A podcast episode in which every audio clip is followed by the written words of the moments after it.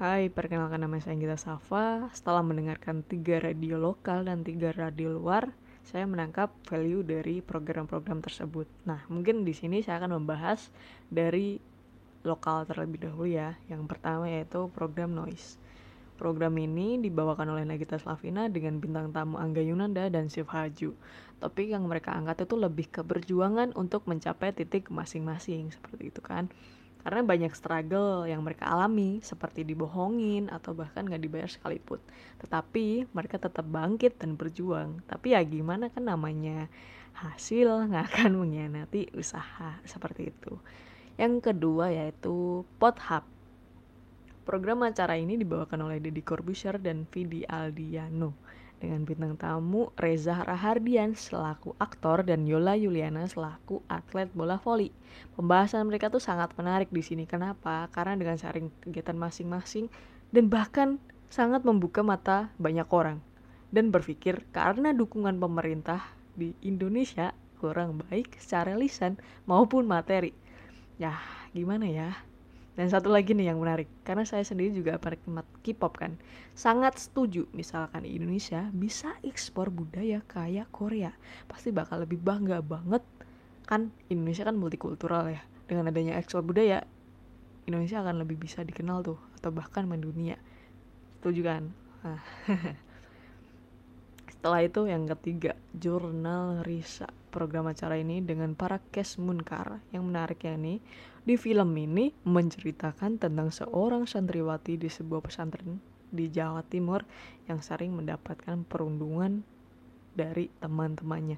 Nah, tapi anehnya setelah setiap dibully, justru Herlina ini yang santriwatinya tertawa dan bahkan meminta bantuan dukun. Nah, penasaran kan? Ya, jangan lupa aja nonton Munkar di bioskop. Dan oke, setelah itu lanjut dari yang luar ya di sini saya mengambil dari TI Streaming Radio.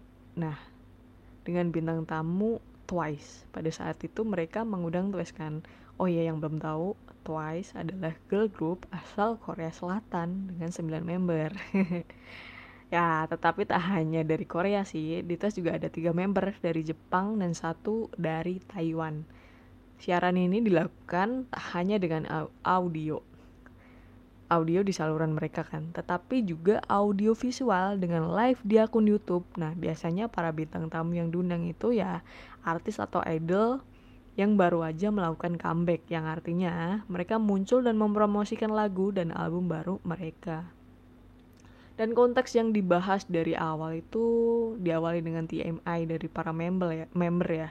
Setelah itu dilakukan dengan pertanyaan yang mewakili dari pertanyaan Wons yaitu fans Twice itu sendiri. Nah, baru Twice menceritakan apa sih makna atau gimana sih struggle saat mempersiapkan comeback itu sendiri seperti itu.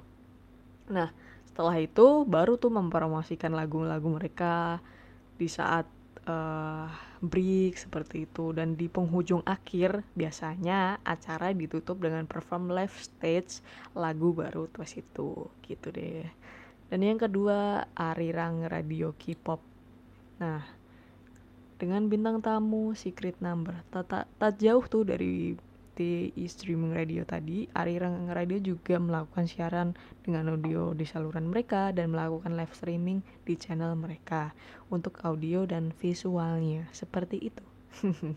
di kesempatan ini mereka mengundang Secret Number, ya asal Korea Selatan juga, Nah, tetapi tuh kenapa yang menarik dari ini dan selalu di follow up gitu ya? Karena di sini ada member wanita pertama kali, pertama kali loh yang berasal dari Indonesia bernama Dita Karang. Oleh itu, warga kita ya warga-warga Indonesia pasti ya sangat kepo dan antusias kan.